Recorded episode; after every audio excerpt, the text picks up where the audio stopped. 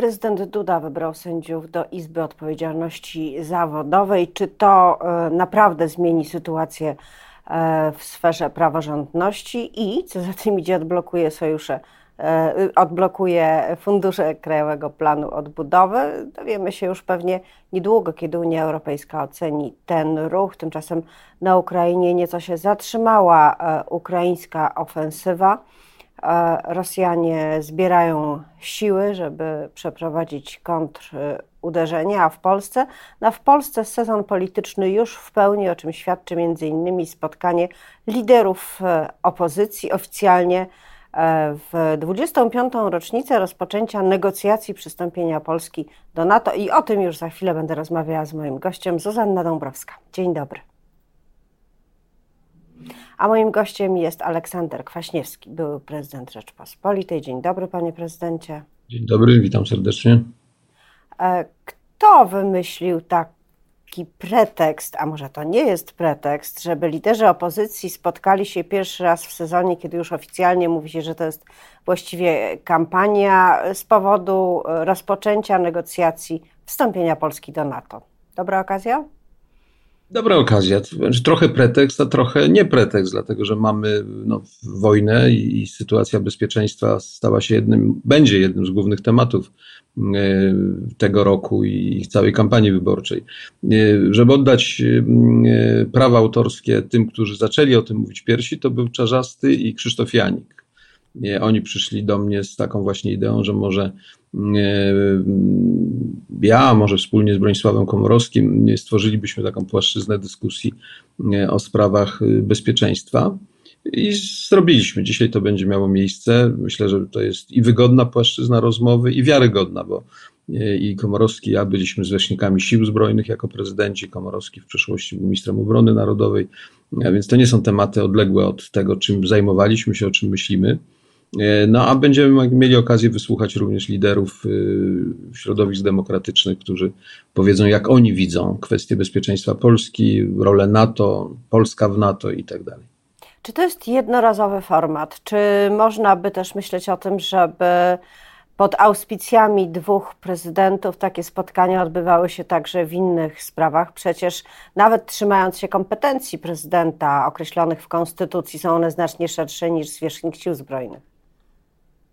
Myślę, że jeżeli to się uda dzisiaj, jeżeli uznamy, że to, to ma sens, to nie wykluczam, że powtórzymy takie spotkanie już dotyczące innych tematów. Tylko wie Pani, rola moja, czy chcę mówić za siebie, to jest bardziej, żeby ułatwiać te kontakty między liderami opozycji, natomiast nie, nie, nie, nie być jakby w centrum tego, dlatego że mamy do czynienia z poważnymi ludźmi, poważnymi politykami, często bardzo, bardzo doświadczonymi, więc to oni muszą między sobą rozmawiać. Ja będę zresztą zachęcał, żeby tych rozmów, tego dialogu między nimi było jak najwięcej, bo czas płynie bardzo szybko i za chwilę może się okazać, że nie mamy rok i parę miesięcy do wyborów, tylko mamy 8 miesięcy do wyborów, 6 miesięcy do wyborów, a wiele kwestii programowych, organizacyjnych będzie ciągle niedogadanych, więc sezon, jak słusznie pani powiedziała, polityczny się zaczął i dobrze byłoby, że ten sezon polityczny oznaczał również bardzo bliskie kontakty, bardzo dużo rozmów, prac eksperckich y, między środowiskami opozycyjnymi. Ja bardzo będę do tego namawiał. A jeżeli jako prezydent były, jako szef fundacji mogę być pomocny, to oczywiście nie odmówię tej pomocy. No właśnie, Rzeczpospolita opublikowała wczoraj sondaż, w którym zapytaliśmy, który z liderów opozycji jest najbardziej otwarty na kompromis E, z innymi na, na rozmowy, który jest nastawiony najbardziej koncyliacyjnie. No i e, pierwsze, co uderza w tym sondażu, to to, że ponad połowa badanych nie była w stanie wskazać nazwiska. Ten sondaż był robiony taką metodą, że badani sami e, zgłaszali kandydatury, nie, nie, nie, nie suflowaliśmy żadnych nazwisk. No a potem najbardziej znany chyba polityk opozycji, czyli Donald Tusk, E, zajął w tej konkurencji pierwsze miejsce, choć wynik skromniutki, zaraz za nim był, e, była reszta, Władysław Kośniak-Kamysz, e, Szymon Hołownia, liderów lewicy w tej pierwszej grupie nie było żadnego. Czy to oznacza, że do tej pory opozycja nie przedstawiła takiej, takiej spójnej propozycji, która by do ludzi trafiła? A może to charakterologiczny problem liderów? No, charakterologiczny problem zawsze będzie występował, bo to nie da się od tego uciec, ale, ale to trzeba pokonać. Moim zdaniem ten sondaż jest takim sygnałem ostrzegawczym. Dzisiaj liderzy opozycji muszą być bardziej rozpoznawalni i bardziej wiązani z pewnymi ideami, koncepcjami, które mm, no, ludzi interesują. Bo to jest nie tylko sprawa programu, ale także wiarygodności programu i wiarygodności ludzi, którzy mają ten program realizować. Więc y, wydaje mi się, że taka ofensywa mm, medialna, ofensywa także taka bezpośrednia w stosunku do wyborców jest konieczna. Y, kampania de facto jest rozpoczęta i wyobrażam sobie, że liderzy także wspólnie będą pojawiali się w różnych miejscach w Polsce, będą organizowali dyskusje, może nie cała piątka, ale, ale po dwóch, po trzech, żeby właśnie pokazywać, że ta współpraca istnieje, że, że, że to nie są tylko takie fakty medialne. No dużo jest tutaj do zrobienia. Jak mówię, nie chcę zastępować w żaden sposób liderów środowisk demokratycznych, bo oni mają swoje doświadczenia i swoje rozumy, ale w moim przekonaniu ta aktywność musi być dużo większa i ten sygnał o współpracy musi być silniejszy. To znaczy, to nie można być, nie może być sprowadzone tylko do tego jedna lista, dwie listy, trzy listy, jedna lista, dwie, trzy, bo, bo, to, bo to po pierwsze niewiele mówi, poza tym nie znamy odpowiedzi, jak to by miało być, ale jest wiele kwestii programowych, gdzie opozycja może występować wspólnie. No, kwestie bezpieczeństwa to jest choćby jedno. No, na przykład programy społeczne to może być druga rzecz, kwestie ochrony zdrowia trzecia. No, jest bardzo wiele tematów, gdzie wydaje mi się, że połączenie sił polityków i ekspertów mogłoby przynieść dobry efekt w postaci jasnego przekazu, co chcemy zrobić, jak zdobędziemy władzę. Bo też uważam, że mówienie, iż głównym celem, bo to jest oczywiście cel, wygrać i zmienić rząd, czyli odsunąć PiS od władzy, ale to, to,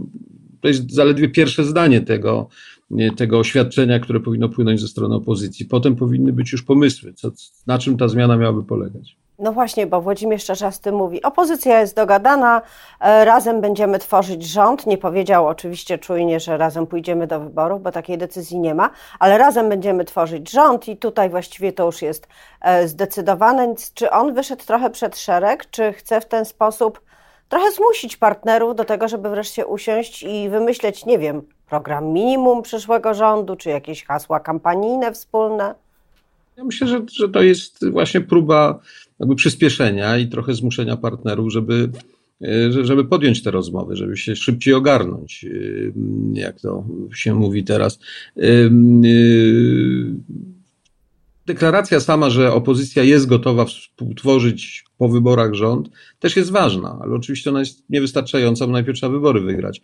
Natomiast sam fakt, że te środowiska uważają, że mogą ze sobą współpracować, jest dobry, ale właśnie za tym muszą pójść koncepcje programowe. No, łatwo i myślę, że to będzie wykorzystywane przez PiS, który będzie wskazywał na niekonsekwencje. No, jak oni chcą rządzić wspólnie, skoro ci mówią o tym tak, a ci mówią zupełnie inaczej i takich przykładów przecież wyciągając różne rzeczy z programów poszczególnych partii można znaleźć całkiem sporo, więc pani to nazwała minimum programowym, może i tego się trzymać właśnie. Takie czytelne, wiarygodne minimum programowe należałoby stworzyć stosunkowo szybko. E, w takim razie przejdźmy na drugą stronę trochę tej naszej sceny politycznej, na stronę prawą, która e, no, podjęła kolejny raz, czy też wyciągnęła konsekwencje z podjętej już decyzji politycznej. Myślę o praworządności, myślę o tym, że prezydent Andrzej Duda wskazał sędziów e, nowej, powołanej na mocy nowej ustawy Izby Odpowiedzialności Zawodowej. No i teraz się okaże, co będzie dalej, przede wszystkim z uznaniem tego kroku przez wspólnotę europejską. Jak pan sądzi, czy to, co zrobił prezydent i cały jego obóz polityczny wcześniej, wystarczy do odblokowania pieniędzy? No mam tu obawy, dlatego że gdyby prezydent y, no, podjął jednak większe ryzyko, bo on podjął ryzyko, hamując te pseudoreformy ministra Ziobry swego czasu, ale już byłbym na jego miejscu konsekwentny i wśród tych 11 y, sędziów wybranych no, wybierałbym tych, którzy nie są neosądziami, czyli wokół których jest y, cały czas wątpliwość, czy oni mają tytuł do zasiadania w tych gremiach, czy nie. Oczywiście y, to byłoby komentowane przez opozycję jako no, ostateczna porażka tych, tych wszystkich pseudoreform i tak dalej, ale wydaje mi się, że to by wyczyściło wtedy relacje Polski z Unią Europejską. E, takie działanie pół na pół, sześciu neosędziów, pięciu starych sędziów, no to to jest y, coś, co może wywoływać dalej wątpliwości. Nie wiem, jaki jest stan rozmów, też nie wiem, jakie były ustalenia prezydenta z panią Ursulą von der Leyen i tak dalej. Wydaje mi się, że, że obie strony mają tu swoje ograniczenia. No, prezydent ma to zaplecze polityczne, które, a szczególnie ministra Ziobrę, który, który jest absolutnie niezadowolony i chętnie by wyszedł nawet z Unii Europejskiej, a Ursula von der Leyen ma jednak Parlament Europejski, który w kwestiach praworządności nie jest skłonny do kompromisów, jest dużo bardziej mm, twardy, zdecydowany i radykalny, więc ona też musi się przecież liczyć z opinią tego parlamentu, bo, bo występuje tam nieraz i jest oceniana przez ten parlament. Nie wiem, jaki jest w tej chwili mm, możliwy Y, możliwe pole manewru. No zobaczymy w ciągu najbliższych dni, ale obawiam się, że to, co zrobił prezydent Duda, nie będzie wystarczające. Ale może jest tak, jak mówią posłowie PiS w kuluarach, że i tak e, nie ma co, żeby obecny obóz władzy się starał, bo i tak Unia będzie chciała dać pieniądze ewentualnie nowej władzy, która przyjdzie po wyborach, jeżeli przyjdzie i dlatego to wszystko tak idzie opornie i co by biedny PiS nie zrobił, to i tak się nic nie uda, bo Unia się obraziła. To jest trochę, że tak powiem, ocena y, Unii na podstawie własnych y, działań, bo y, to PiS tak cynicznie rozumie politykę, w Unii nie ma takiego przywiązania do takich czy innych rządów, bo tam te rządy bardzo często się zmieniają. No, mieliśmy lewicowy rząd w Szwecji, za chwilę będziemy mieli prawicowy rząd w Szwecji. No, przez tego powodu nikt nie będzie inaczej traktował Szwecji, ponieważ tam nie ma problemu z praworządnością. Więc rzeczywisty problem w Polsce to był problem tych pseudoreform Ziobry, który de facto zabierał niezależność, niezawisłość sędziowską. No, na tym i chciał obsadzić sądy swoimi ludźmi, mówiąc to tak brutalnie wprost.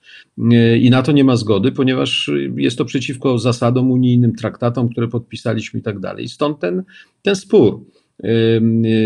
Moim zdaniem usunięcie głównych tych przeszkód uwolniłoby te środki i komisja nie będzie się zastanawiać, czy to jest ten rząd, czy inny, ponieważ komisja przecież nie ma żadnej gwarancji, że za rok będzie inny rząd. To może być tak samo ten, ten rząd. I, jak ja znam, kiedyś, zresztą Angela Merkel, to nie bardzo lubiana przez środowiska PiSu, ale mogę ją zacytować, w tym okresie 2005-2007 spotkaliśmy się i ona, no co tam w Polsce i tak dalej, PiS rządzi, już wtedy było wiele wątpliwości co do różnych ich działań, no ale ona mówi, no das ist demokratii, no to jest demokracja. No, oni rozumieją, że wolą wyborców dzisiaj mamy w Polsce taki rząd i ten rząd ma bardzo szeroki zakres możliwych działań pod warunkiem, że nie jest to w sprzeczności do podpisanych przez Polskę traktatów.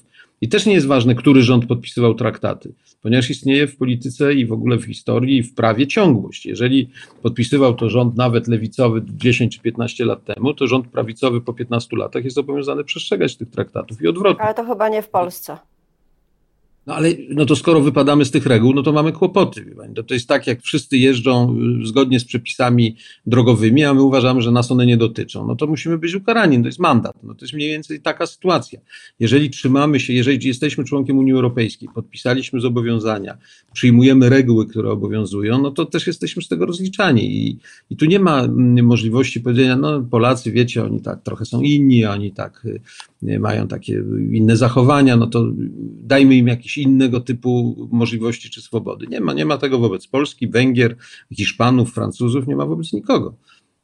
Panie prezydencie, na koniec naszej rozmowy diagnoza wojenna przez y, około 10 dni żyliśmy w takim trochę lepszym nastroju, patrząc na to, co dzieje się na froncie y, w Ukrainie, ale teraz ta, te postępy armii ukraińskiej chyba się E, skończyły. Jak pan sądzi, co będzie do zimy? Czy jeszcze tutaj zmiana jakaś nas czeka?